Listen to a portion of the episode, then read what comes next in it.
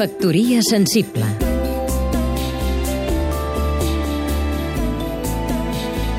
Oleguer Sarsenedes, periodista Tenim unes 6.000 llengües al món, el 90% de les quals, segons la UNESCO, corren el perill de desaparèixer d'aquí a l'any 2050. La diversitat lingüística ha estat tan amenaçada com la biodiversitat. El cas és que cada llengua és dipositària d'una cultura, és a dir, d'una manera de fer i de veure les coses. Si mor la llengua, es perd la cultura. Nosaltres, els catalans, estem més ben situats que molts per entendre què significa tenir una llengua amenaçada, què significa no només des d'un punt de vista sociocultural, sinó existencial. L'home és un animal que parla. Sense llengua quedem desemparats. Però de llengües també en neixen, no tantes com en moren, però en neixen. L'última de la que en tenim notícia, al nord d'Austràlia.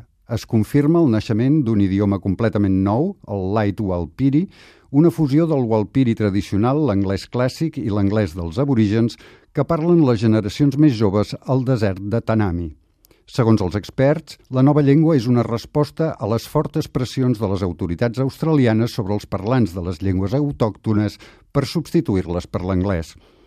Que morin llengües com a danys col·laterals de la nostra civilització no ens ha de fer perdre de vista que la nostra irreductible condició humana fa que n'engendrem, perquè si alguna cosa ens caracteritza com a espècie és la nostra capacitat de generar cultura, d'expressar-la i comunicar-la.